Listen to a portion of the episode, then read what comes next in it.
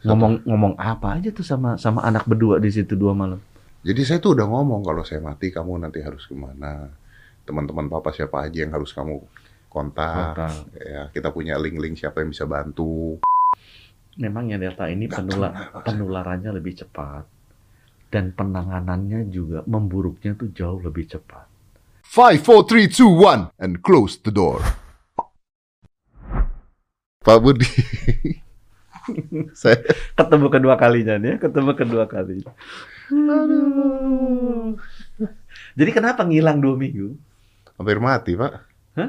Hampir, Kenapa? hampir mati. Orang gagah hampir mati itu kenapa? Hampir mati. saya saya hampir mati gara-gara Pak Budi loh, Pak. Iya, Iya loh, Pak. Beneran loh, Pak. Ayo, saya bisa ngomong gitu loh, Pak. gitu ya. Iya. Kenapa? Gara-gara saya pada saat itu eh, membantu Menkes pawai vaksin untuk manula. Jadi, Jadi saya belum divaksin. astagfirullah. Kan, Orang orang orang Jakarta tuh udah 109 persen yang divaksin. kan Kecuali Deddy Kobuser. Saya- oh, Tangerang Selatan. Tang- saya Tangerang. Tangerang. Kan Pak, saya yang di sini pada saat itu ingat nggak sama Pak Budi? Terus saya campaign. Ini manula-manula harus divaksin, divaksin. Yang muda jangan rebutan vaksin, kasih dulu yang tua. Yang muda masih sehat, kasih yang tua. Wah, saya ngomong, nggak mungkin dong saya ngomong gitu tuh saya minta vaksin kan nggak mungkin Iya, Pak. Nggak mungkin kan? Ja- jadi kena. Kena dong.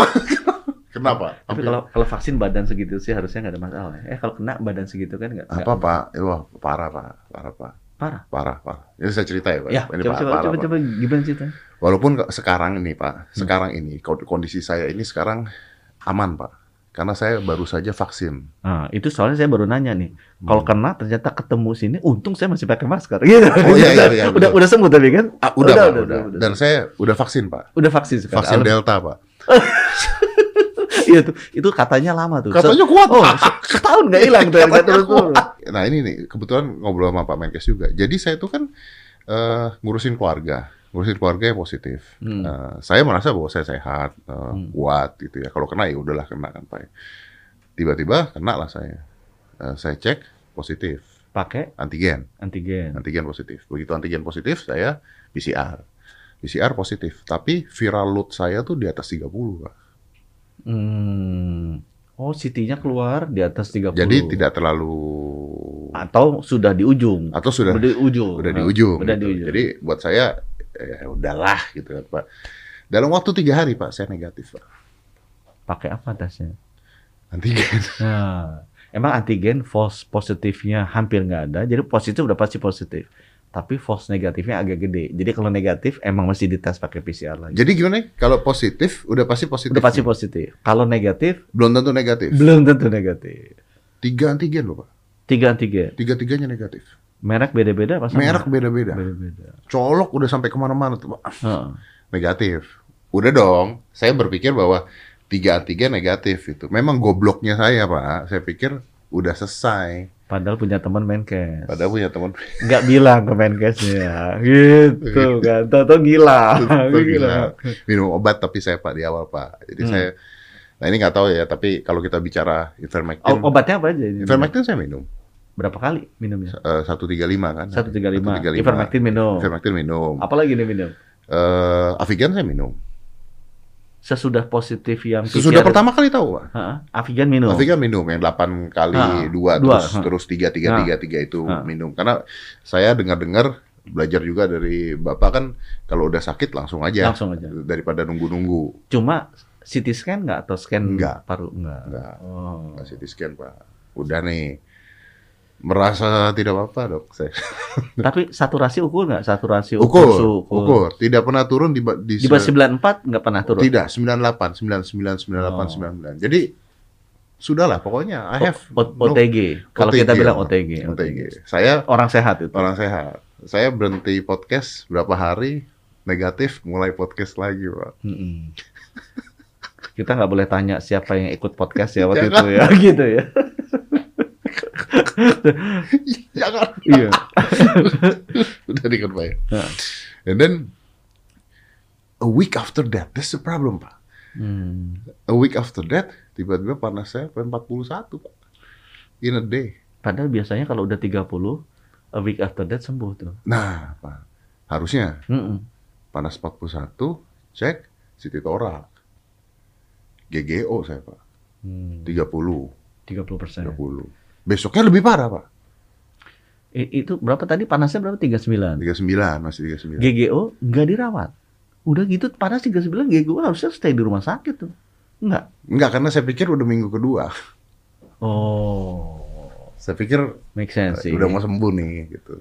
Tapi kalau ada GGO, iya tapi bisa juga sih GGO-nya Menurun. Menurun. Nah, kan Bisa. logikanya udah minggu kedua Pak logikanya. Emang goblok aja sih Iya. Pak sebenarnya. Iya. Karena harusnya di- dicek lagi besoknya GGO-nya naik apa turun Iya. gitu kan. Terusnya besoknya Parah Pak. Dicek lagi jadi 7 eh, 60 70. berapa hari itu? A day. Uh, cepet. A day, Pak. Cepet. Udah Masuk. mas- masuk. Begitu masuk, yang Hmm. ini Pak yang saya kecewa, Pak. Kenapa? Begitu masuk, ketemu dokter Gunawan itu kan. Heeh, heeh. Dokter Gunawan bilang, Mas Dad, ini badai sitokin. Iya udah 70 sih. Ini masa 70. badai sitokin. Wah, stres dong. Gue bilang, Hmm. gue sehat kayak begini, gue bilang. Eh tapi saturasi berapa waktu itu? 97. Oh itu aneh tuh. Nah, Aneh kata tuh. dokternya bilang, jadi ini kalau saturasinya masih segini, masih bisa dirawat nih. Hmm, hmm. Nah, dia pokoknya dijaga saturasi itu Pak. Nah, tapi sama si dokter Gunawan ini, dia bilang sama saya, saya ini ya, apa, agresif ya cara ngobatinnya. Badai sitokin udah masuk ICU tuh biasanya tuh. Betul, saya nggak masuk Pak. Ka- Karena gara saturasi tinggi. kan? Saturasi tinggi. Aneh juga sih itu. Nah, terus masuk eh, saturasi eh, turun dong, karena udah Iya, lebih parah. udah parah, Nah, turun. turun. Sampai berapa turunnya? Mentok di 95 Pak. Oh masih tinggi. Masih tinggi. Jadi dokter Padahal udah udah udah putihnya udah 70%. udah. Dokter ngomong kayaknya ini cadangan oksigen di tubuhnya banyak. Karena olahraga dulu, karena latihan. Jadi ternyata nolong Pak itu Pak. Hmm. Dan tidak ada komorbid tuh ternyata nolong. Hmm. Saya bilang sama dokter, saya kecewa nih dok. Hmm. Kenapa kecewa? Orang udah olahraga, vitamin D bagus. Masa tiba-tiba badai sitokin? Apa-apaan? Gitu kan. Kata dokternya, saya nggak ngerti nih Pak ya. Hmm. Kata dokternya, Delta bisa begitu katanya Pak. Hmm. Beda dengan yang, alfa yang beta. alfa. Hmm. Delta bisa kayak begitu. Udah dong, dirawat lah saya. Nah ini Pak, dikasih paracetamol dong. Itu nurunin panas. Nurunin panas sama Hmm. painkiller dan Painkiller. sebagainya lah Hmm. supaya nggak sakit. Dua hari nih Pak, kalau panas saya naik lagi, saturasi turun, ICU 50-50 udah. Iya. Karena badai Nah, sitokin. hmm. Gue udah pikir gue mati Pak. Udah gitu, anak saya masuk, nemenin. Nah itu anak masuk kan nggak boleh. Dia mengcovidkan dirinya Pak. Gimana ceritanya di BEM COVID kan diri tuh? Hah? Anak satu nih soalnya kan? Iya, gue cerita juga Iya? Dia takut papanya nggak keluar lagi. Emang dia tahu waktu diomongin sama dokter bahwa ini Saya kena cerita. badai sitok Tahu. sitokin. Saya cerita. Dan dia riset bahwa banyak orang masuk rumah sakit, Kalau udah badai sitokin, kemungkinan Iya. hidupnya gitulah intinya kan Pak. Nah, dia pikir umur berapa anaknya? 15. Belum divaksin juga. Belum. Karena Tapi olahraga juga. Wah, badan gila, bagus. badan bagus. Badan bagus. Belum divaksin. Akhirnya Jadi berdua di rumah sakit. jadi berdua. Jadi dia Astaga, berdua. sengaja tuh Pak minum minuman saya supaya kena. Supaya kena. Saya juga marah kan, tapi kan Nah. akhirnya dia bilang ke dokternya, dok periksa, and then positif. Terus dia bilang, berarti saya boleh dong masuk. Katanya. Jadi Boleh. dia mau nemenin ayah. Benar. Jadi saya berdua Pak. Tapi itu Pak, itu semangat hidup Pak. Jadi berdua. Nah di hari kedua Pak, ini tergantung Pak. Kalau panas saya naik lagi selesai nih Pak. Ngomong ngomong apa aja tuh sama sama anak berdua di situ dua malam. Aduh Pak, saya tuh nggak takut mati Pak. Saya takut kalau saya mati, dia gimana? Kan gitu Pak orang tua Pak. Hmm. Jadi saya tuh udah ngomong kalau saya mati kamu nanti harus ke mana. Teman-teman papa siapa aja yang harus kamu kontak. Kontak. Ya, kita punya link-link siapa yang bisa bantu. Ini udah ngomong itu Pak. Nah si Askanya bilang, Kok gimana dia tuh? Apa dia kan masih muda kan? dia Umur- berusaha untuk membuat saya kuat. Hmm. Dia berusaha, dia dia ngomong satu kata gini, Pak, look at you. Kamu, papa sehat, papa ini, papa kuat, uh, papa latihan, umur segini badan masih kayak begini. Hmm. If you die, katanya, then everybody gonna die. Dia ngomong Dia gitu. ngomong gitu. Dia ngomong gitu. Nah. Kalau papa mati, Orang pasti Orang mati semua. mati. Karena you're you're good, You, you're strong. you're gitu kan? strong, you don't Healthy. have comorbid, you Hmm. don't have apa gitu. Terus gue bilang sama dia, salahnya papa satu, papa nggak vaksin. Karena ternyata vaksin membantu. Ya, membantu supaya daya tuh imunnya kita kuat untuk melawan virus itu. Betul. Nah, saya memang nggak tahu pak. Saya jadi berpikir bodoh atau gimana karena pada saat itu memang saya tahu vaksin itu masih sedikit jumlahnya. Saya tahu orang tua lebih butuh. Ya saya nggak vaksin gitu loh. Padahal temennya Menkes. Udah. Tapi kan saya membantu Iya anda betul pak. betul betul betul. Jadi kita merasa berdosa juga. Jadi Tapi ibu aku saya rasa gara-gara itu Tuhan sayang sama Mas Dede. ibu saya kan vaksin. Hmm. saya minta ibu saya vaksin gitu. Terus eh, semua yang orang tua tuh yang saya kenal saya suruh vaksin saya suruh vaksin gitu. Teman-teman saya loh pak saya tuh kadang-kadang sombongnya begini. Saya teman saya nanya nih ya lu udah vaksin belum? Lu tahu jawaban saya apa pak? Jawaban saya selalu begini pak. Ini memang makanya saya ini sih goblok atau gimana pak? Hmm. tolong dijawab deh pak. Hmm. jawaban saya selalu begini bro vaksin kita jumlahnya masih dikit. Kita yang sehat-sehat tahan dulu deh. Kasih yang orang-orang yang butuh dulu deh. Saya jawabnya selalu kayak begitu pak. Itu clinically wrong, ethically right. Itu aja aku bilangnya. Jadi secara klinis sih, kalau kita bilang, oh, ya orang pengen lindungi dirinya sendiri ya. Tapi secara etis, what you have done, waduh, andai kata semua manusia obat kayak gitu, neraka kosong. Tapi begitu kena obat, pada isi takut, takut juga, takut juga. begitu kena, waduh, bodoh banget. Kenapa kemarin gua nggak minta aja?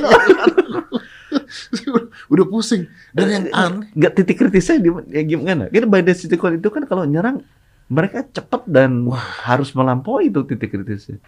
Itu gimana ceritanya? Pengalamannya pada saat oke, itu. pengalaman ya pak ya. Panas sudah nggak karuan pak. Berdiri udah nggak bisa. Berdiri tuh vertigo pak, Hmm. muter, pusing. Panas sudah 40-an. 40-an. 40-an. Eh, naik turun lah pak ya. Hmm. minum paracetamol Turun. nah, naik lagi. Nah, badan tuh kayak digebukin lah pak. Badan udah kayak Udah, digebukin. Cuman satu-satunya penyelamat, saya napas masih bisa. Ya itu aku heran. Saturasi nggak pernah turun di bawah 94. 95. Dan Jadi nggak masukin ventilator, tidak. masukin. Dan dokter sejak awal saya badai sitokin dicek eh, apa saturasi saya, dokter Gunawan cek, ini saturasi 99 kata dia. Itu 99 sih orang sehat. Orang sehat. Besokannya dicek, turun 98. Masih sehat. Masih. Pernah turun 95, Nah, tu- turun 95, eh, terus dia bilang, ini turun 95. ditambah oksigen nggak? Enggak. Hmm? Enggak. Enggak. 95. Dia bilang, Oke, ini masih 95. Kita kita tahan, kita lihat berapa jam. 4 jam setelah itu, Pak, 99 saturasi saya. Itu aneh tuh. Itu aneh. Jadi saya diselamatkannya oleh itu, Pak. Itu mungkin gara-gara nggak memberikan vaksinnya ke orang tua Jadi sehingga orang tua hidup, Tuhan orang- Tuhan benar, sayang. benar, Tuhan Dia masih- tambah oksigennya tuh. di- ditambah. Kadang-kadang bingung juga kan. kalau udah 70 udah 70% GGO masih 99 oh, bingung juga kita ya. Loh, Pak yang mem- membingungkan karena ketika Siti Torak, dokter Gunawannya bilang ini memburuk. Oh, putihnya tambah banyak. Memburuk, Pak. Tapi saturasi nggak turun. Pak tahu nggak Pak? Saya waktu itu Pak ya, Hmm. mau ngontak Bapak aja nggak enak loh Pak. Iya, aku baru tahunya sesudahnya Ya, kan karena- kita telepon. Tuh Pak, saya tuh warga negara yang baik loh Pak. Even minta rumah sakit aja enggak, Enggak. gitu kan? Saya cari rumah sakit sendiri, Heeh. sendiri. Tapi dapat dokter itu gimana? Gim- Gimana taunya kok ke sana? Jadi, Saya dan- dengar ini dokter ini. Saya belum kenal. Saya pengen ketemu juga tuh sama dokter nah, ini. Gitu. jadi Umur berapa sih dia, dokter Gunawan nggak nyampe? 40, nggak nyampe 40. Oh, masih muda. Dan dia berkorban banyak banget buat pasien-pasien Pak. Karena Hmm. banyak uang yang harus dia keluar untuk pasien-pasien nggak mampu. Jadi dia Enggak, keluar untuk dia keluar kenapa buat pasiennya dia? buat pasiennya dia. Gara-gara? Ya rumah sakit mana mau nanggung sih. Oh, oh dia tanggung sendiri. dia tanggung. Wah, ceritanya ya dokter. gitu, Heeh. ceritanya Hmm. gitu pak. Dan katanya yang dipegang sama dia tuh mortality rate-nya tinggi, Karena dia Kebalik kebalik, mortality rate-nya rendah. ya Nah. rendah. Jadi yang selamat banyak. Yang selamat banyak katanya, makanya saya langsung ke sana. Nggak taunya dari mana nama dia? Dari temen, dari Hmm. teman-teman yang udah biasa ke sana. Tapi saya sempat ke RSPAD ya, pak. Hmm. Saya sempat ke RSPAD. Oh itu itu yang taunya pertama ta- pertama Betul. kali tadi ya. Udah gitu saya dimarahin, Pak. Jadi saya sempat ke RSPAD, saya ngotot nggak mau, mau pulang gitu. Padahal udah ada GGO Udah ada. 25 persen. Ah, ah, tapi karena masih 99 saturasi, akhirnya dikasih, eh, dikasih. Iya, eh, kan jenderal di situ kan Hmm. jenderal-jenderal, jenderalnya ya udah kok karena saturasi masih bagus. Tapi kasih tahu saya ya begitu saturasinya eh, turun gitu. Which is kan. nggak turun-turun di bawah 94. turun-turun. Tapi kok makin lama makin demamnya naik. Nah, saya nggak ngomong lagi. Begitu pagi-pagi udah blackout nggak bisa apa-apa, saya dibawa aja ke rumah sakit. Yang bawa siapa? Aska juga. Anak. Aska juga. Udah dibawa ke rumah sakit, udah nggak ngerti apa-apa, Pak. Dan belajarnya, Pak, ya bukan belajar sih. Saya mau nanya Pak Menkes, ini penyakit apaan sih, Pak? Ini terus terang emang yang Delta bikin bingung. Nah, beda tuh gimana sih, Pak? Cepatnya ya. Jadi cepatnya tuh jauh lebih cepat daripada yang Alpha sama Beta. Kemudian ya kadang-kadang orang ngerasa dia sembuh tahu memburuk. Saya nih cerita ya. Nah. Waktu pertama kali mau vaksinasi, kan kita minta tolong tuh teman-teman bekas nasabah. Betul. Salah satu yang pertama kali datang itu yang punya Samator. Namanya Pak Arif Harsono tuh. Nah. Dia bilang, ya bikin di Surabaya deh. Nasabah kan, kita bikin kan. Vaksinasi, itu pertama kali itu vaksinasi di Surabaya. Dia tuh punya perusahaan pabrik oksigen rumah sakit terbesar di Indonesia. Oke. Ke mana naik kan, oksigen dibutuhin ke mana-mana. Betul. Telepon-teleponan minta bantu. Toto wafat dia. Ini orang-orang berpengaruh, pengusaha besar, Punya duit, punya duit, punya akses. telepon anaknya kenapa bisa gini anaknya juga saya kenal baik kan bilang, bapak gitu dia kena kelihatannya udah sembuh toto set cepet hilang Sama, Pak. hilang Nah, itu, Pak. Jadi Hmm. katanya si dokter Gunawan ini, nah ini susah juga. Tapi saya kalau saya ngomong, saya jadi menyalahkan pemerintah nggak ya? Maksudnya begini, Pak. Jadi isoman itu bisa bahaya orang ternyata, Pak. saya sih jujur bilang kenapa kematian kemarin naik tinggi itu terjadinya di IGD jadi orang suka mikir kan wafat itu di ICU Ah. biasanya IGD eh, satu persen dua persen ini sampai 15 persen kemarin waktu peak itu di IGD artinya apa orang telat masuk Lah, berarti kalau misalnya kayak begitu, kita nyuruh orang isoman salah, dong, Pak. Gimana deh, Pak?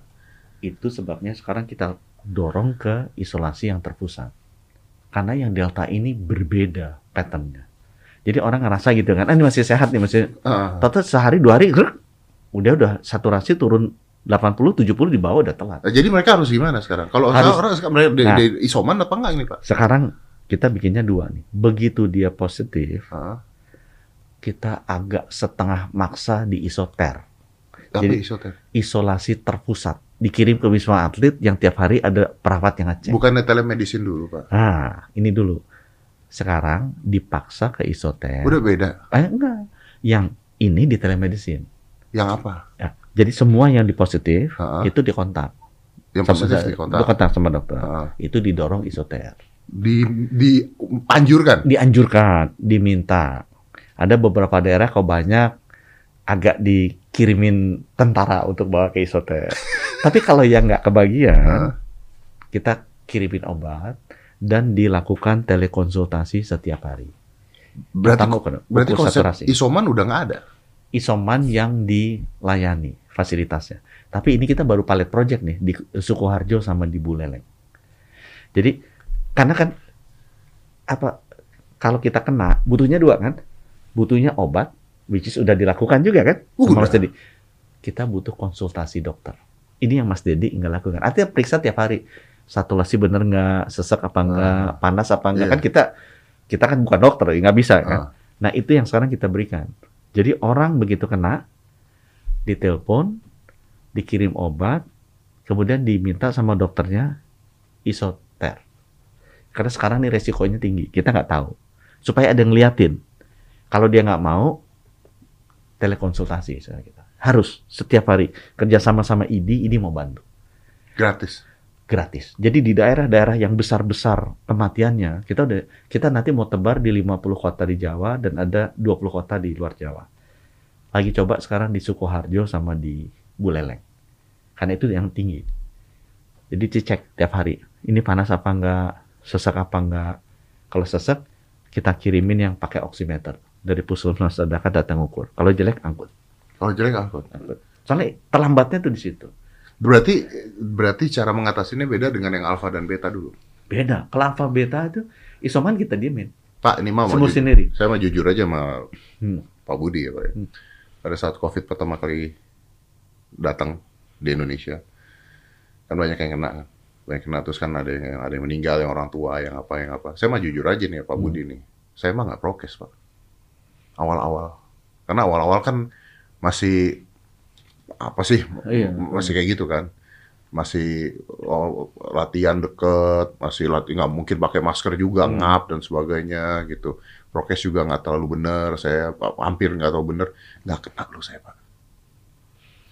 Memang yang delta ini Nggak penula- kena, Pak. penularannya lebih cepat dan penanganannya juga memburuknya tuh jauh lebih cepat. Dan itu tadi ya, dia kadang-kadang kita merasanya nggak sakit atau set dua hari tiga hari tok hilang. Jadi yang kita lihat di data statistiknya, sejak dia kena sampai dia wafat, sebelumnya tuh 8 sampai 9 hari. Delta tuh 4 sampai 5 hari. Begitu kita tes, tahu set wafat rata-rata tuh 4 sampai 5 hari. Di minggu keberapa?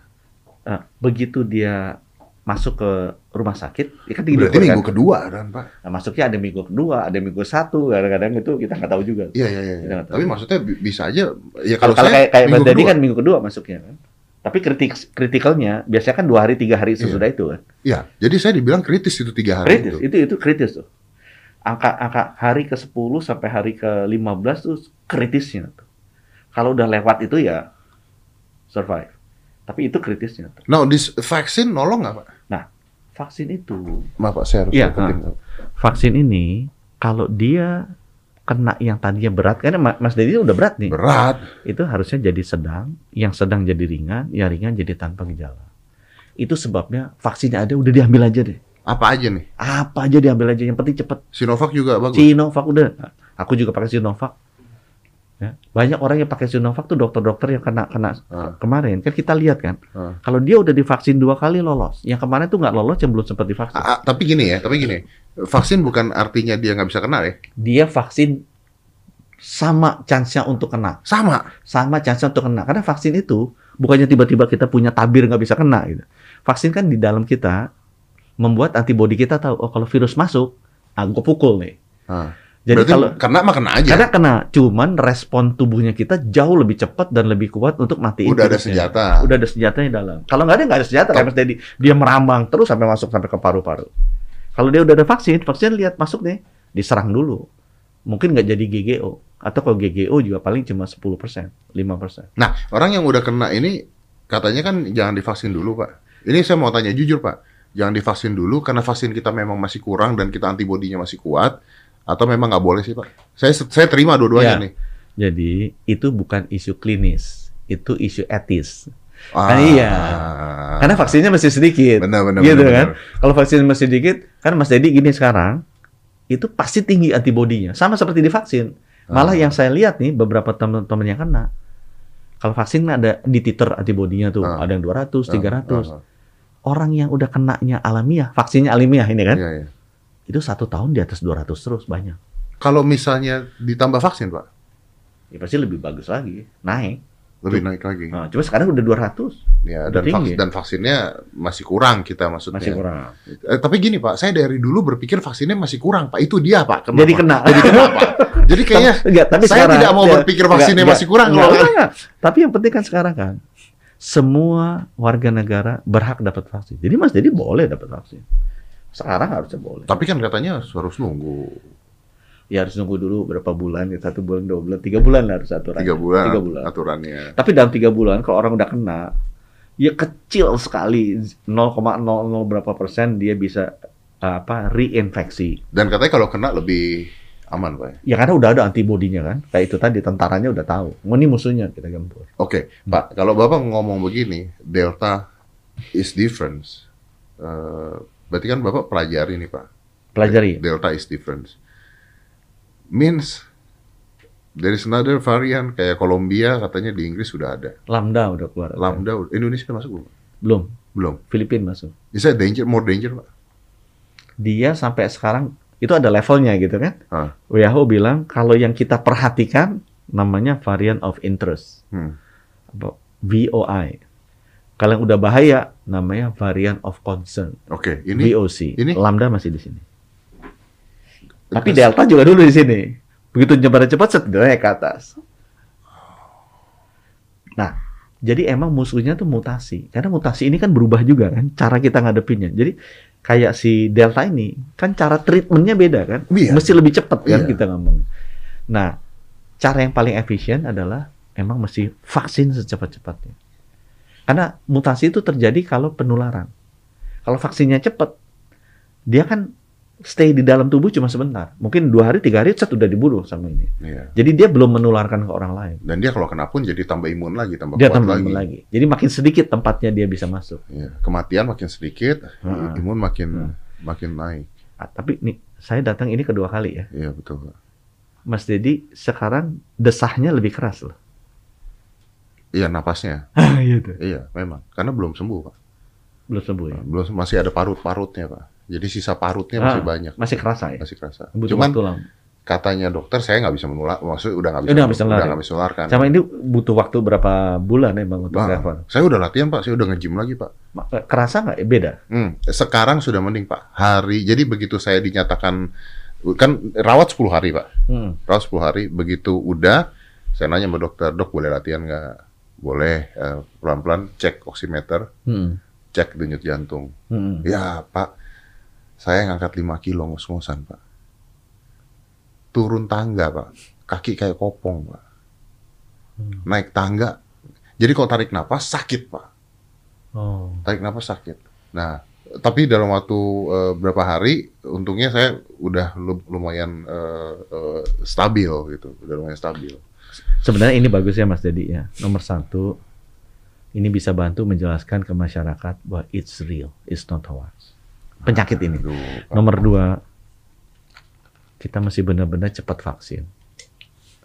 Nomor tiga, kalau kena, jangan anggap remeh deh, mendingan langsung datang ke rumah sakit deh. Saya boleh manggil bro nggak? iya, iya, boleh, boleh, boleh, boleh, boleh, boleh. Kita merasa jadi muda kalau gitu. Biar- biar muda, biar, biar muda. Ini curhat ya. Nah. Saya nggak tahu nih bapak ngikutin kasusnya jering apa enggak. Gitu. Pernah dengar cuma nggak terlalu ngikutin. Sibuk kerja gitu, Sibuk sibuk kerja, kerja, sibuk oke. nyuntik. Jadi saya setelah melihat ada keluarga saya meninggal dan sebagainya sebagainya, lalu mendengar orang-orang yang mengatakan, wah ini COVID di endorse pemerintah, COVID di endorse pemerintah. Sorry to say, brengsek. Hmm. Karena kata-kata seperti itu bisa membuat orang tidak percaya pemerintah, tidak percaya dokter, tidak percaya rumah sakit. Kayak dokter Lois yang mengatakan obat dan sebagainya, Hmm. enam- oh, karena dimasukin 6 obat, bla bla bla bla bla. Loh, saya dimasukin lebih dari 6 obat kok.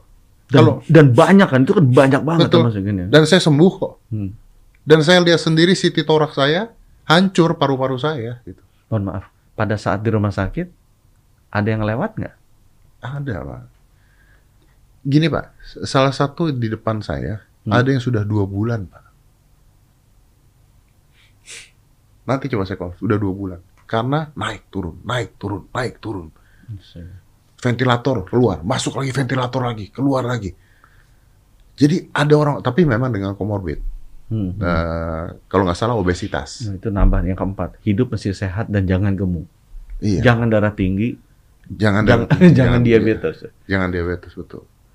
Ini tidak ada gulanya, Pak. Oh, aku lihat ya makanya dia udah Tawar. karena karena teh botol aku seneng juga kan, tapi Tawar. beneran. ini ini mesti ngurangin gula ini. tawar, tawar. Karena diabetes, hipertensi itu yang paling banyak mem, eh, comorbid yang paling banyak me- bikin meninggal. Saya sampai sekarang nggak ngerti apa hubungannya tuh. Eh. kan paru-paru. Enggak hubungannya. Karena si waktu kita keluar sitokin storm itu itu kan nyerang organ. Nyerang semua. Iya. Kalau organnya lemah, kena. Berarti most people Kena die because of cytokine, Nah. cytokine storm. Itu orang gua baru belajar. Saya sendiri kan namanya bukan dokter gitu ya. Iya. Aku tuh waktu di Wakil Menteri BUMN belajarnya di situ. Jadi sebelum menjadi Menkes tuh. Nah, kita pikir mati gara-gara virus kan. Ah, ah. Dikasih obat antivirus, remdesivir apa segala. Ternyata ada yang dokter yang bilang tuh dokter Fatima tuh, Pak matinya bukan itunya, matinya tuh gara-gara cytokine storm. Jadi begitu virusnya udah ke sini, antibodi kita keluar semua, disikat semua. Organ-organnya yang kalau lemah, Iya. meninggalnya gara-gara antibodi kita sendiri. Iya. Sama kayak leukemia sebenarnya kalau di, Iya, di- gitu. Aku Berarti- balik lagi aku bukan dokter. Tapi oh, gara-gara itu. Jadi justru kalau mencegah mati, dia kontrol sitokin storm. Betul. Saya tuh sampai akhirnya berpikir kemarin saya berpikir berarti ini orang mati tuh nggak ada mati gara-gara COVID. COVID Gara-gara virusnya. iya. kan gara-gara virusnya iya COVID, Heeh. tapi not mati COVID-nya.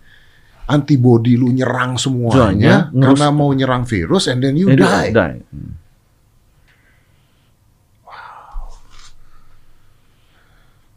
Can we solve this? No. Tapi yang penting kan Mas Dedi udah sehat. Jadi dengan begini, ini kan kayak dikasih Tuhan kan. Eh, lu dikasih hidup nih, gitu kan.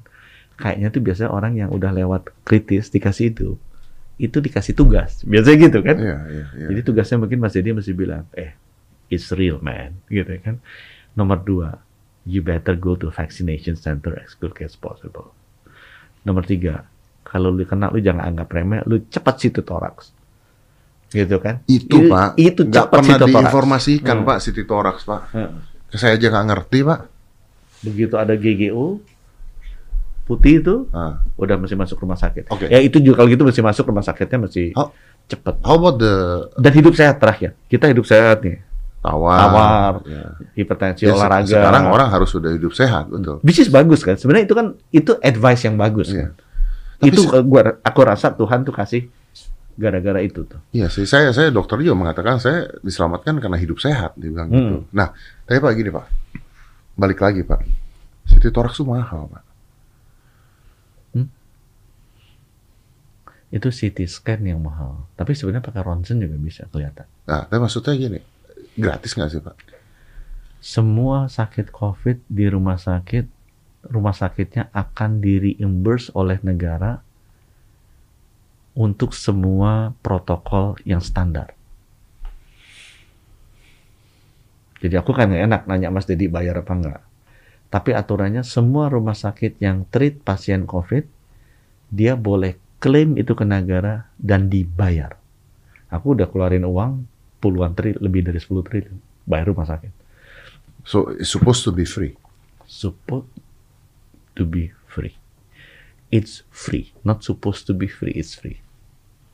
Kecuali ada obat-obatan di luar protokol standar. Gamaras tuh nggak masuk protokol standar. Nggak masuk. Nggak masuk. Gimana kalau orang butuh? Itu tergantung memang dokternya adjustment-nya apa. Tapi kalau dia butuh, ya artinya memang Karena kita nggak ada dok- atau dok- dokter. Karena kita nggak ada.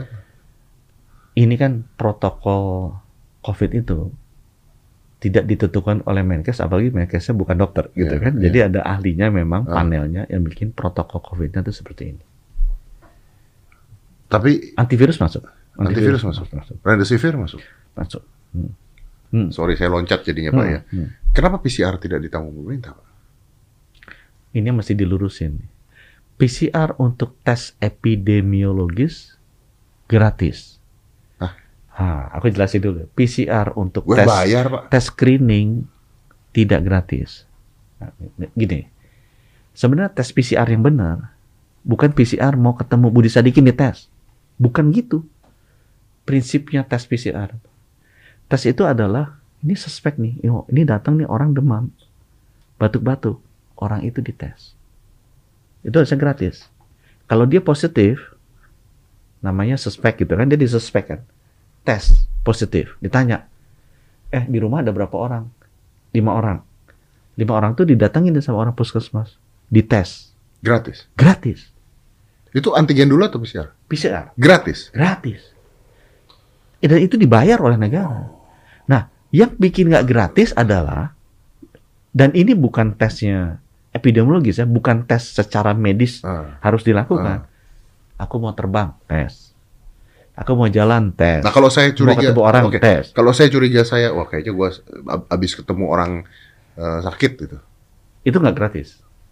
Kalau dia ada gejala, datang ke fasilitas kesehatan, dites itu gratis. Ya kalau nggak semua orang tiba-tiba. Nanti semua orang tiba-tiba colok-colok-colok terus.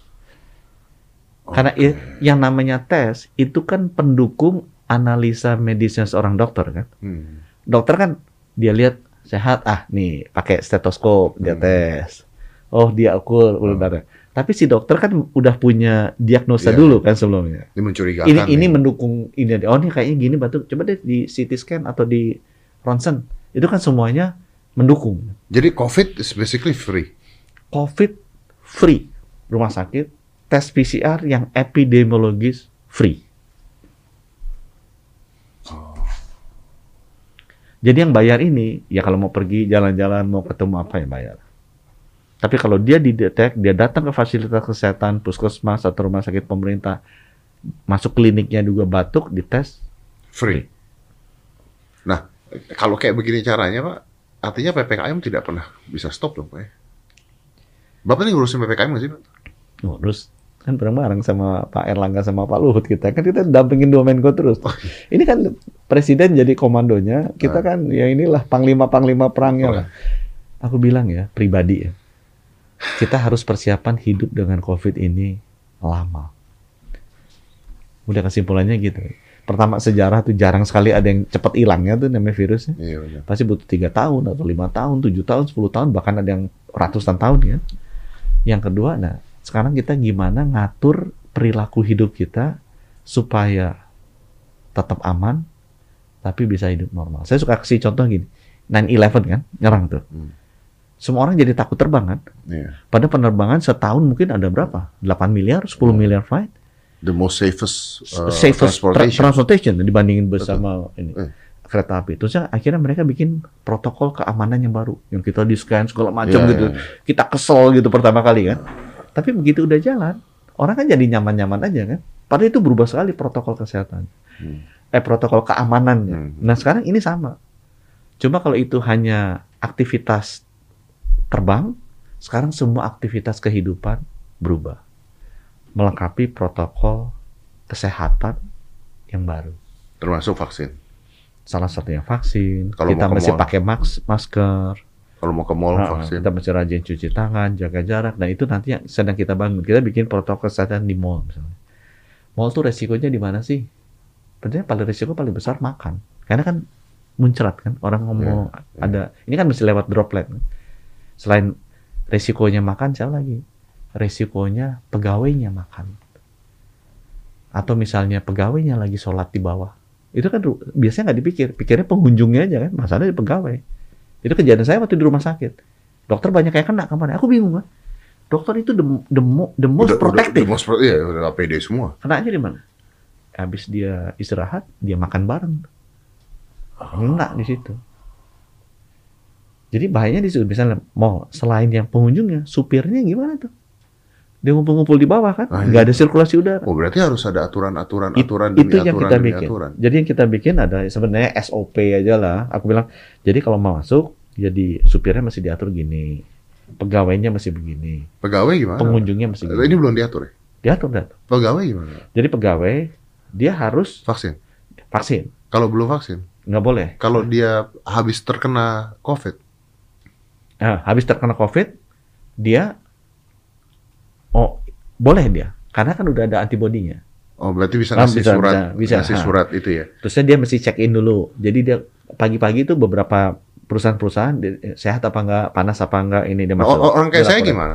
Kenapa? Orang kayak saya gimana? Kalau mau masuk mall, Ah, kan udah divaksin tadi bilangnya. oh, Delta. Iya. Tapi katanya bisa ya, kalau saya habis kena bisa ngasih lihat surat atau apa gitu ya?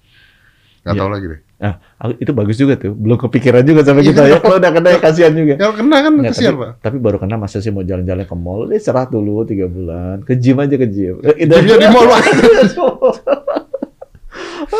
Iya, Jadi li- li- life change ya. Tapi semua pandemi merubah perilaku manusia kok kalau dilihat dari sejarahnya. Kayak pesan dari atas supaya kita mengubah perilaku hidup kita. Tapi yang jadi masalah, this is very uh, akan full of surprise because kita nggak pernah tahu. If there is new variant kita nggak pernah tahu. Uh, tiba-tiba ada kejadian apa kita nggak pernah tahu. Delta bisa seperti apa kita nggak pernah tahu. Artinya you need to very adaptive to situation yang nggak gampang. kalau kita melihat sejarah umat manusia, We can survive. Malaysia itu We can sangat adaptif dan Ah, survive. Mas Iya. Dedi aja udah gitu survive. Iya. Walaupun sesek sedikit aku dengar nafasnya. Sesek. Dulu nggak ada tuh. gitu nggak ada tuh. Sekarang kedengaran tuh tiap kali ngomong. Iya, iya, iya. iya. Tapi Ya, hopefully you tapi- can recover soon. Iya, iya. iya. Nah, Pak, eh, with with all of this gitu, Pak ya. With all of this. Menkes ini Ih, gimana saya? Saya tuh mau ngomong gini maksud saya, tapi saya tahu ini bukan urusan Bapak. Menkes ini kan hanya mengurusi kesehatan, Pak ya. Ekonomi nggak diurus dong, Pak, dengan dari Menkes ya. This is Bu- wrong. Pak. bukan tupoksi saya lah. Bukan tugas proksinya. pokok tugas pokok dan fungsi gitu kan kalau Iya, istilahnya di sini. Iya, Ya. iya, iya. Walaupun saya backgroundnya ekonomi. Nah, iya. Maksudnya Mas Dedi arahnya ke mana nih? maksudnya saya eh, with all the ppkm yang diributin orang ini kan sebenarnya adalah mereka susah kerja, susah nyari makan, susah apa, susah apa. Tapi nggak ada. apa- Ya, I, I, I, I, Nah, know, I know, enggak, I know, ini, ini. Kalau aku bilangnya gini. Saya Menkes kan pengen bikin rakyat kita sehat. Itu Iya, tugasnya. Iya. Rakyat sehat kan bukan artinya tidak sakit. Jadi banyak orang bilang Menkes tugasnya membuat orang tidak sakit COVID. Tapi kalau kemudian orangnya nggak bisa makan, kemudian sakit dia mati, Sama aja. sama aja dong gitu kan. Nah, Karena sehat kan artinya bukan hanya sakit COVID, Iya, nggak sakit COVID. Jadi saya memikirkan itu dan saya bilang ke teman-teman, itu tadi, ini kan nggak akan hilang cepat. Kita harus hidup dengan mereka lama. Tugas kita di Kementerian Kesehatan untuk bisa mengatur semua perilaku manusia, semua aktivitas kita, Hmm. agar secara protokol kesehatan benar, tapi bisa jalan normal. Sama seperti semua ahli security bikin protokol keamanan di airport. Makanya sekarang saya bikin nih, sektornya 6 yang kita mau jadi fokus. Perdagangan misalnya, perdagangan modern sama tradisional. Mall kan kita udah coba. Kita kemarin coba mengenai industri. Jadi ada ada aktivitas perdagangan, ada aktivitas industri. Pabrik-pabrik kita datangin tuh, gimana cara protokol kesehatannya. Kita sekarang sama Pak Nadiem bikin pendidikan. gimana bisa masuk tatap Gimana muka bisa dan masuk tatap muka, tapi aman. Hmm. Nah sekarang yang menarik juga nih, agama. Ini masuk nih. Ya, ya. Gimana, Gimana masuk masjid, masjid, gimana masuk. gereja. Nah, saya kasih contoh misalnya gini. Masjid. eh, Bahayanya di mana, Bu? Orang pada pada sholat kan harusnya diam atau tidur. Karena aku kan sering ke masjid juga kan. Nggak ngomong kan orang di masjid harusnya. Yang ngomong kan cuma si ustadznya kan. Ah, oke, oke. Ya itu yang dijaga. Kritisnya tuh di situ. Jadi ustadznya harus pakai masker, ustadznya harus vaksin, karena dia mungkin bisa muncrat gitu kan. Ya kena kan Ah, yang Tapi depan. kalau bicaranya Diatur. Jadi yang depan harus vaksin. Yang belakang mungkin yang nggak divaksin terusnya belakang karena supaya mereka nggak kena. Jadi protokol kesehatan itu dibikin oleh kita dan yang dan My goodness, orangnya. this is a lot of udah udah mulai, udah mulai. and change. Dan kita pakai teknologi digital kayak misalnya yang mall gitu kan. Kita lihat mall itu masalahnya apa sih? Mall itu kerumunan kan. Jadi mesti diukur. Kalau kita lihat tuh di CDC Amerika, di Singapura, masuk mall boleh, tapi maksimal 500. Perkawinan boleh, kalau divaksin 1000, kalau ini 500, itu kita atur. Pak, kita bicara agama nih Pak Ya. Bentar. Saya kan, saya mau alaf. Hmm. Ya. Eh, sebelumnya saya Katolik. Hmm.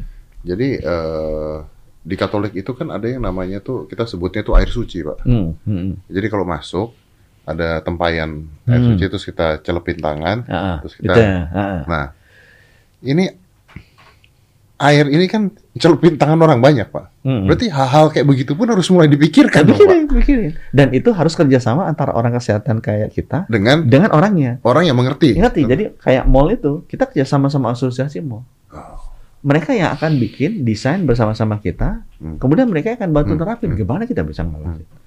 Sama dengan golf, kita panggil. Orang Oke. golf gini-gini. Oh, golf tuh nggak boleh makan. Masalah di locker. Golf kan masa di locker, dimakan, di caddy, sama di Ya, supir. ya itu aja motornya Itu. kenanya di sana. Bioskop Ah, sama bioskop. gimana bioskop? Bioskop kan masalahnya cuma makannya. Makannya. Makanya kan. Sama duduknya kalau laki-laki sama laki-laki nggak apa-apa. Kalau laki-laki perempuan, nah masalah situ kan bisa te- ini. Jadi duduknya masih agak jauh-jauh. Kecuali udah divaksin, boleh lebih dekat. Kan itu bisa diatur. Kalau Ya, sama, berarti kayak, sama. sa- sama kayak rokok dan ngerokok kan. Kalau kita makan rokok duduk sana, nggak rokok duduk Iya, sini. iya, Jadi sama. Eh bioskop belum belum vaksin, ah, Duduk duduk, sana, renggang-renggang tuh, selang dua, selang Iya, dua, iya, nggak boleh deket-deket, walaupun pacaran masih jauh. core-nya vaksin. Eh, yang vaksin yang membedakan treatmentnya. Jadi kita udah ukur tuh. Yang kita akan ukur adalah jumlah. Jadi setiap misalnya sekarang kan kita pakai barcode tuh, Ah. Ma- masuk ke mall pakai barcode. Ah. Itu kan sebenarnya untuk membatasi jumlah. Iya, iya, iya, iya. Jadi bioskop bisa kita bikin. Oh, ruangan ini 21, studio ini hanya boleh 50. Ah. Ya udah, jadi pakai setiap kali masuk dia tembak barcode. Begitu udah 50, si- semua orang nembak barcode merah, nggak Oke. bisa masuk kan. Tapi oh ternyata dia udah divaksin. Kan Ah. be- begitu tembak barcode, itu sistem kita udah online Oke. kan sekarang ngecek. Orang ini udah divaksin. Ah, duduknya boleh nempel-nempel. Iya, iya, iya. Orang ini nggak vaksin duduknya di row A sampai E. Sat- eh, selang selang Berarti kursi. tempat gym juga bisa dong diatur. Bisa, bisa diatur supaya orang hidup normal. Karena kalau orang nggak hidup normal, sakit juga dia kan. Iya, Bisa sakit mental, bisa sakit Iya. fisik. iya. Nah kita sebagai Menteri Kesehatan harus memikirkan harus pikiran itu. Oke. Tapi sebagai Menteri Kesehatan, Pak, kenapa Anda tidak pernah melawan hoax-hoax yang beredar sampai eh, orang-orang yang melawan atau menantang hal ini? Kenapa diam aja? Saya bukannya diam, tapi tahu diri juga. Tahu diri artinya gini, saya nggak punya kemampuan sehebat Deddy Kobusir, sehebat Atta Halilintar, sehebat Raffi Ahmad untuk grab the eyeball of people. Follower aku cuma 45 ribu. Jadi kalau aku mau argue dengan mereka, itu kayak men- me- melawan laut dengan gula satu sendok. Kita kan nggak mungkin. Itu sebabnya aku datang di sini. Karena yang nonton banyak. Jadi kalau aku ngomong gini, Mas Dedi kan bisa bantu menjelaskan itu. Kalau saya nanti bisa ngajak Atta Halilintar, kemarin dia bantu buat oksigen. Hmm. Jadi aku bilang, temuin dong nanti. Karena belum sempat ketemu. I do hope people like you, like Atta, like Raffi, siapa pun yang follower banyak, ya. influencer ini bisa memberikan positive influence. Apalagi udah ngalami kan. Hey, the truth is like this. Saya, saya, saya, saya interupsi Okay. sedikit. Ini jadi agak passion ngomong ini. Saya bilang, dokter tugasnya bikin orang sehat. Hmm. Bankir tugasnya bikin orang kaya Hmm. guru bikin orang pintar. Hmm. Wartawan, media, Hmm.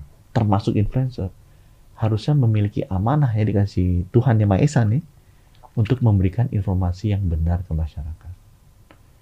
Nah, itu yang aku mau minta tolong. Karena kalau kita sampaikan informasi mengenai COVID ini nggak benar, people are dying. So we need to convey the right message and information about COVID. Jadi basicnya kita fight with the right information. Iya. at the end of the day harusnya ya saya nggak tahu ya orang kan hidup di dunia ini di agama saya udah dikasih nur sama yang atas Iya. Kita ngomong sama orang kan bisa kerasa. Orang ini benar apa enggak? Orang ini jujur apa enggak? You have that feeling. Iya, iya. ya harusnya aku berharap gitu. Harusnya orang tahu oh kalau orang ini ngomong kredibilitasnya gini orang ini ngomong kredibilitasnya gini. Emang kalau sering yang salah bisa jadi benar. That's why I, wh- what I need gitu. Untuk dibantu untuk dijelasin. Apalagi udah ngalamin sendiri kan. Oh my god. gitu. But I'm happy that you are healthy Wah, Gitu terima ya. kasih banyak Pak. Saya juga minta maaf Pak sebenarnya. Minta maaf juga nih buat teman-teman Menkes. Saya nggak ngasih tahu juga ke teman-teman. hmm. Ke Pak Menkes juga saya ngasih taunya Ah, terakhir. Karena sebenarnya Pak, saya tuh punya prinsip hidup seperti ini Pak. Begitu saya sakit, saya nggak mau nyalahin siapa. Saya nggak mau nyalahin kenanya dari mana, nggak mau nyalahin apa pun gitu. Lebih baik saya konsentrasi untuk sembuh dulu. Udah sembuh, baru kita eh, bicara lah gitu Pak. Daripada ngere- ngerepotin Pak Budi yang kerjaannya udah banyak banget, udah luar biasa. Masa saya telepon, nanti katanya ini, nanti kalau ada war- wartawan atau media yang tahu, wah dapat ini privilege tertentu kan gitu kan Pak. aku ceritanya ya sekarang udah turun ya kemarin waktu puncak-puncaknya itu sehari bisa seribu WA masuk dari seribu itu mungkin 50-60 persen minta tolong itu jadi kalau kita selesai kerja bisa jam 9 itu bisa sampai jam 1 balas-balasin WA kan? Itu orang yang Bapak kenal berarti. ada yang kenal ada yang nggak kenal temannya teman segala macam masuknya yang kita sedih apa karena kan capek juga kita kan Iya, iya. Pak tiduran tuh handphone. Besok kita bangun kan jam 9 kita coba bersihin Ah. itu kan. Kita balas saya mungkin dapat empat lima kali enam kali gitu Meninggal. udah telat waduh gitu. jadi kadang-kadang ya ampun gitu ya apa kita aja aduh eh, kadang-kadang kita merasa bersalah ya kita dikasih amanah Ya, tapi kok, kok tidur tapi gitu kan Anda punya energi Iya, iya, terbatas iya, sebagai kita tahu bahwa, manusia. bahwa ada ada batasnya juga gitu Iya. Makanya saya WhatsApp ke Bapak kan setelah Enggak. saya sembuh. Heeh. Saya dan, sembuh. dan saya beruntung sekarang udah turun jauh gitu. Jadi saya ngerasa tuh waktu di Januari Februari naik kan banyak yang minta tolong ya. Kemarin itu gila-gila, banyak banget yang masuk kan. Sampai kita nggak tahu. Itu rumah sakit sampai penuh ya, Pak? apa? Rumah sakit penuh, penuh. penuh, penuh, susah, susah masuknya. Itu udah dengan segala cara kita coba bantu semaksimal mungkin. Tapi sekarang kan kerasa lagi kan, ini turun. Jadi saya berdoa, ya aduh mudah-mudahan enggak lagi deh. Jadi yang berikutnya juga saya pengen titip juga yang kelima nih, kayak seperti tadi kan, ini apa? eh, ini benar. Juga jangan anggap rem- rem- remeh, cepat ke rumah sakit. Hiduplah yang sehat gitu. Dan yang yang penting juga adalah ya, ya, ya itu tadi bahwa kalau bisa jaga protokol kesehatannya agar jangan naik lagi. Kadang-kadang kita kalau udah gini ya suka nggak was- Relax. suka nggak waspada. Ya, and then you forget. Udah segala macam jangan macet lagi segala macam, nggak pakai masker nggak aduh tolong jangan. Kita kita tuh Jakarta udah turun. apa? Jakarta udah turun. Jakarta Atau turun- satu turun Indonesia jauh. turun. Jakarta turun jauh, sebagian di eh, provinsi sudah turun, ada yang belum. Bali naik, Pak. Balik naik. Kenapa bisa naik, Pak? ya? Orang liburan sama. Yang pertama, karena Bali udah divaksinasi, semua orang yang kaya merasa bahwa Aman. daerahnya aman, terbang. Kena di situ. Saya banyak temen yang datang ke Bali, kena di sana, meninggal di sana, padahal bukan orang Bali. Tapi gini, Pak. Maaf nih. Saya, saya mah kalau ngomong mah berani di mana-mana gitu, Pak ya. di Bali itu, Pak. Masih banyak tempat-tempat dugem-dugem yang buka, iya. Pak. Masih itu. banyak. Itu makanya orang datang ke sana. Iya. Itu yang ketularan. Nggak tutup mereka. Entah gimana caranya kerja sama dengan siapa ya. Tapi karena memang itu juga kehidupan mereka Bali itu ekonominya kasihan sekali. Iya, terus. Nah, yang kedua, bulan Juli Agustus ini itu hari baiknya orang Bali upacara keagamaan. Dan kita lihat ya, India kena upacara keagamaan. Indonesia lebaran acara keagamaan. Ini juga membutuhkan approach yang pas. Karena serba salah nih. Serba salah. Nanti Iya. bilang sesuatu ya. Pak. Makanya tadi juga baru meeting sama Pak Luhut, sama tokoh-tokoh agama, kita sampaikan Pak, this is real. Dan kita kan sebagai pemuka agama kan tugas kita melindungi Melindungi manusia. ma- rakyatnya. Iya, betul. Jadi tolong dibantu. Karena kalau kita nggak bisa, mereka kan didengar oleh banyak umat ya, sama Hmm. seperti follow apa ini Hmm. viewer jadi Hmm. di komisi podcast gitu kan. Ini orang-orang ini juga harus membantu meyakinkan bahwa ini ini real. Kenapa Iya. tidak pemerintah main keras? pengalaman saya ya. Kalau kita, saya nggak tahu Mas Dedi kan udah mualaf. Hmm. Ya. Coba nanti ngajarin anaknya sholat. Ya. Kita bisa sih keras. Tapi kalau kita keras, itu belum tentu dari hatinya dia loh.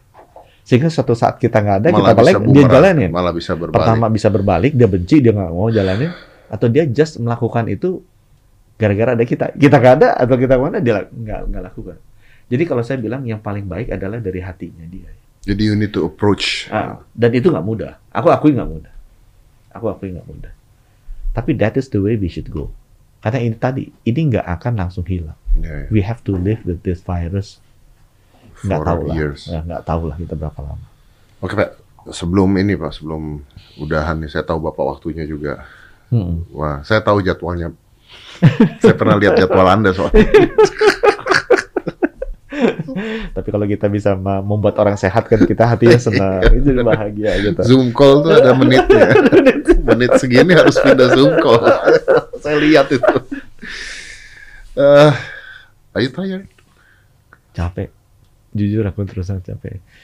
Tapi dia, yang, yang bisa memberikan energi setiap pagi adalah begitu kita bangun ya kalau kita sholat gitu kadang-kadang sholatnya juga duh masih suka telat gitu ya karena malamnya kemalaman adalah kita bisa berbuat baik bagi sesama ya. Tapi gini Pak. itu yang bikin kita aduh, Oke oke oke. mudah-mudahan ini dicatat ya. Tapi gini loh Pak. dan dikatain semua orang sih kita lakukan nih kita, kita lakukan bener Ya. aja Iya orang diam gitu. Iya, iya. Ada ada sedikit. Ada, Waduh ya. udah udah bersiap bersiap bersiap ditimpa sama semua. Lo pasti. Maksudnya begini, kalau saya nanya Bapak capek nggak? Ya, capek gitu. Ini aja bisa di- digoreng orang. Oh iya. orang bisa. akan bilang, "Oh, kalau capek jangan eh, Heeh. jangan jadi menteri lo kalau capek." Iya, ya. iya. Di- di- Digituin kan. Wah, lu nggak boleh, lu masuk komplain capek Iya. kan bisa gitu. Ya, maksud saya, maksud saya gini loh, eh, dari beberapa, eh, saya kenal banyak menteri lah pak ya, Hmm. almost eh, Hmm. menteri-menteri saya kenal semua gitu. Hmm. Bapak tuh ada bedanya satu pak. Apa bedanya? Bukan dokter. Jadi bedanya satu tuh gini. Anda itu kalau lagi zoom call gitu ya, kadang-kadang kita kan pernah zoom Hmm, call, hmm. pernah apa, atau lagi meeting atau lagi apa. Anda kok bisa kelihatan happy ya? gitu ya. Kayak tadi Bapak datang ke sini tuh saya tahu capek, tapi kok datang ke sini kelihatan happy gitu. Oh, datang sini happy karena tahu bisa dapat sate. sate. Satenya enak. Makanya kebanyakan. Aduh, itu, itu Nambah. Bisa bisa obes tuh. Aduh, nggak nggak boleh. Ya tapi no no you you look happy gitu. You look happy. Ya, it- saya tuh merasa bahwa happy-nya karena ya kita bisa membantu banyak orang yang nggak tahu ya karena rasanya kalau kita bisa, aduh sembuh. Saya kan ada juga yang dibantu wafat gitu ya. Itu kan sedih gitu. Tapi kalau dibantu sembuh, oh kita senang banget tuh rasanya hatinya. Jadi Hmm. apa hormon-hormonnya kita tuh Ya. kayaknya jadi wah jadi kita tambah sehat Ya, jadi betul ini. betul. Tapi Jadi- Bapak punya pengalaman your family or anyone you know die? Ada. Jadi saya punya tante, satu-satunya yang masih hidup dari ibu. Udah tua, eh, 86 gitu ya. Udah saya vaksin tuh, bujuk ibu. Udah vaksin? Vaksin. Baru vaksin pertama, tapi apesnya gitu. Begitu vaksin pertama, dia kena. Dia dibawa ke rumah sakit tuh di Bogor. Aku datang nengokin gitu ya. Sekali aku titip, udah pulang, membaik, tiba-tiba aku lagi jalan tuh sama Panglima TNI Kapolri lagi masukin mana apa puskesmas puskesmas lihat tiba-tiba tuh Pak ini masih masih cari gamaras aku beli juga. Jadi Menkes kita beli gamaras sama kayak situ kan? Kita cari nggak ada gamarasnya kita cari gamar kita beli. 50 juta tok kita beli. Anda aja beli dan balik. Anda beli obat dari mafia obat. oh iya. Kita nggak tahu itu mafia apa enggak gitu kita lihat aja pokoknya yang penting dapat. Karena kan itu udah nggak mikir kan? Iya ya Ma- pokoknya masukin aja itu disuntik. Nggak tahu. baru tiga jam dibilangin Pak masih masuk ICU. Oh ya kenapa? Ini saturasinya turun. Oke, saya on the way ke sana. Sebelum on the way ini masih sama Panglima TNI Polri kan, lima menit kemudian lewat. Datang. Sempet, tapi sempat nyolatin, karena aku datang ke sana. kan. Ada Bima Arya tuh, masih wali kota Bogor kan, sama-sama ini ya. Dan aku mau nguburin udah ada makam keluarga, nggak bisa kan? Jadi dia masih dikuburin ke tempat pemakaman COVID gitu. Aku datang. Iya lihat sih, banyak yang wafat juga. Jadi kita sedih juga. Ya, jadi artinya Itu udah udah udah ngalamin the last on this, tante yang terakhir. jadi artinya saya bisa nyimpulkan mau siapa pun Anda mau kenal Menkes mau teman baiknya Menkes kena juga. Mau saudara ini bukan ini tante, tante adiknya ibu nggak bisa aku jaga. Bilang sedih sih. padahal sudah vaksin ya pertama. Vaksin pertama. Bervaksin pertama. Ya, Pria tua kan ya. 86, 86. Aku yakin si Delta cepat sekali. Naik. Cepat sekali. Ya udah. Sempat sholatin sih. Sholatinnya di mobil kan. Iya. Nggak bisa lihat. Sedih. Tapi itu yang kemarin tuh yang meninggal itu semua udah deket kita, udah makin deket, Iya ya. makin deket, Iya bapak. makin deket. Saya tuh teman saya meninggal udah empat orang. Teman lagi. Usia 30 kan. 30-an. 30 loh. Dulu kan yang alfa alfa beta itu gitu kan Iya. nggak nyampe Nggak umur nyampe. segitu pak.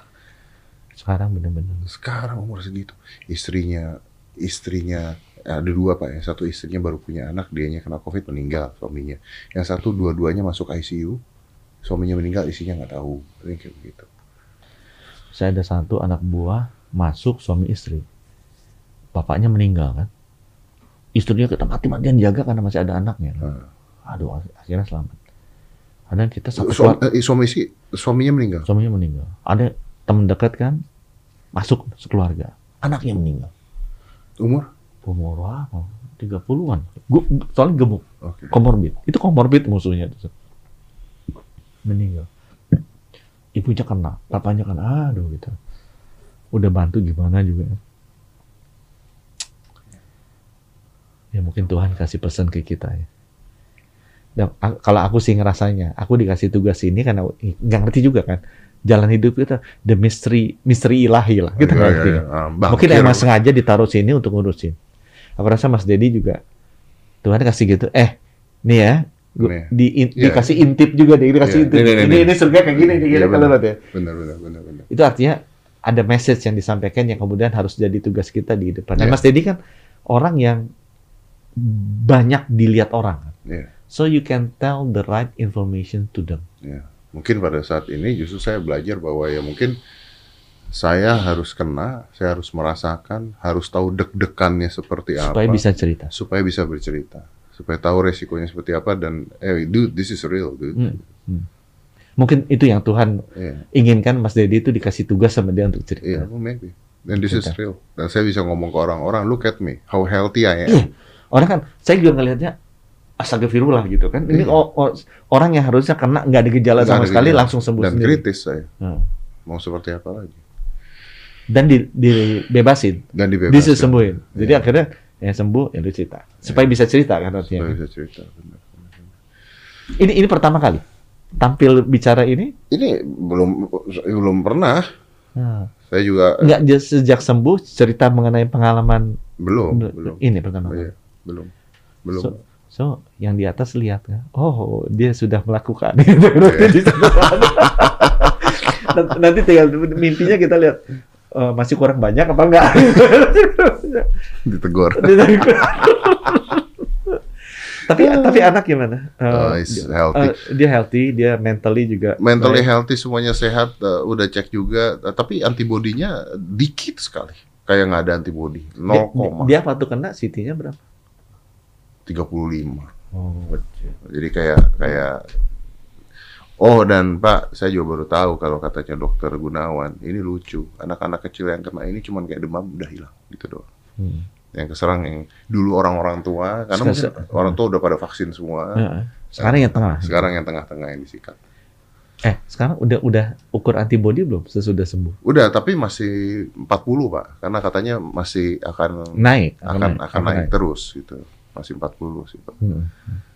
Ya udahlah, vaksin Delta. Nah, itu ada ada saya juga saya kan jalan terus kan sama orang-orang dia. Semuanya begitu itu kena terus. Di sekelilingnya kena terus. Ada dokter namanya dokter Andani yang jago tuh di Sumbar yang jago. Ya. Pergi sama saya kena dia Delta. Bapak tuh belum pernah kena kan, Pak? Apa saya, udah? Saya dulu pernah positif 36,5. Apaan 36,5? Oh, ini ya uh, CT-nya. Heeh. Dulu tuh. Ini Waktu masih zaman Wamen. apa? Alpha. Wamen, zamannya Alpha. Oh, masih Yang, Wamen. yang pertama Wuhan, zaman Zaman Wuhan lah. Zaman Wuhan. Ah, terus? Tapi begitu divaksin, saya kan ini dulu antibody test dulu kan. Heeh. ternyata nggak ada. Jadi orang bilang ya mungkin Gimana, salah. gimana, gimana? Jadi saya udah pernah kena 36,5, Udah udah udah PCR 36,5. 3,5. Jadi saya, saya bisa share juga. Habis 3,05, saya waktu itu masih di Wamen BUMN. Heeh. Langsung gitu sama karena saya pegang rumah sakit kan, Heeh. langsung disuruh ini, suruh semua. situ itu. torak. Ah. Clean, nggak ada Clean. apa-apa. Oke. Demam, demam. Nggak ada, semuanya nggak ada. Terus saya sama dokternya Dante nih yang Wamen yang sekarang, itu kan itu kayak wakil komisa- eh, Hmm. komisarisnya di Ah. sana. Dia bilang, udah lama, udah isolasi aja. Ah. Dikasih tuh Avigan, diminum tuh yang berapa berapa puluh Hmm. tablet. Udah lima hari, tes lagi turun, tujuh hari turun, udah Hilang. hilang, nggak ada pulang. Oke, kan. terus? Nah kemudian jadi Menkes kan, Ah. begitu jadi Menkes vaksinasi Vaksin. kan. ah. Begitu vaksinasi sama presiden, kan aturannya yang kena nggak boleh. Ah. Jadi aku ukur dulu kan, Serologi dulu. serologi Ah. negatif. Nggak ada. Nggak ada. Jadi aku bingung kan, dok ini gimana dok? Kok negatif saya udah kena? Pak, kalau udah kena pasti harusnya serologinya ada. Nah, kenapa? Ini mungkin salah PCR-nya. 36,5 kan borderline, sekali. Mungkin bekas-bekasnya Nah, apa tapi masuk. 36,5 itu kan artinya you repeat it for 36 time to Iya, find the, iya, the 36 virus. virus. Heeh. Jadi mungkin itu kotoran lah bekas mana gitu, kita nggak tahu juga. Jadi akhirnya saya divaksin. Ah. Jadi sekarang ya alhamdulillah sih belum gitu ya. Eh Pak, sorry, pertanyaan terakhir Pak, sebelum Hmm, saya hmm, hmm. selesaikan Pak. Vaksin itu boleh beda-beda nggak sih Pak? Balik lagi kita bukan dokter ya. Jadi jawabannya jawaban kalau kita nanya ke dokter. Aku nanya kan, Ah. boleh nggak? Ahlinya kan ITA Ah, gitu, ah, Indonesia Technical Advisory Group Ah, on Immunization. ah, ah. Waktu kita mau kasih Moderna ke nakes, mereka bilang baik, Baik, baik. Platformnya beda tapi baik itu maksudnya boleh berarti. boleh. Jadi- secara klinis boleh, Oh. baik, bagus. Kayak booster aja. Tapi tapi apakah orang yang misalnya udah udah Sinovac pertama boleh yang kedua minta Moderna gitu? Kalau Ah. ada, kalau ada, kalau ada. Kan saya bicaranya Ya, kalau ah. udah banyak. Kalau itu satu sama dua beda, aku belum pernah nanya. Jadi jujur nggak tahu, gitu kan kita bukan ahli. Tapi kalau Booster boleh. kalau boosternya berbeda dengan yang ini, Boleh. confirm itu, tertulis. Oh, Oke. Malah dia bilang bagus. Oke. Itu sebabnya Moderna kita kasih ke nakes, Ke nakes nakes. ke nakes, nakes. Biar mereka lebih lebih beragam lah daya daya tahan tubuhnya. Gitu. Siap Pak. Terima kasih banyak Aduh, ya. Pak, saya terima kasih Aduh. banyak ya Pak ya Ah. buat eh, bantuannya apa semualah Pak. Pokoknya terima kasih banyak Pak. Hmm. Sama nanti kalau udah agak lamaan saya minta vaksin Pak. Udah saya sudah tidak peduli Anda ngomong apa. Dan berhak loh, udah hak. Jakarta mungkin orang terakhir warga Jakarta yang dapat. Sana Jakarta udah bersih. Iya, makanya Pak, saya Aduh. mendukung Mendukung orang tua itu. Kalau sekarang saya disuruh tunggu lagi, eh udah nunggu lama saya. Tapi sehat ya Pak ya, keluarga sehat, Pak ya. Ah, Sehat, sehat, Sehat ya semua ya Pak ya, Ya, harus sehat lah Pak. Istirahat yang banyak Pak. Saya tahu Anda capek. Baik Pak, kita tutup ya Pak. Thank you Ya, Pak. nah, Thank ya. you for coming. Sukses terus. Hmm. Pokoknya kita bantu Menkes eh, ya kita bantu kesehatan di Indonesia lah. Apa yang apa yang I can help dan then I help because now I know how it feels Hmm, and I know how scary it is, how Hmm. dangerous it is. So if you need my help or anything to say something then let me know. Terima kasih banyak, terima kasih Terima banyak Mas. Thank you Ya, Pak Budi. ya, Makasih. Let's close this. Five, four, three, two, one, and close the door.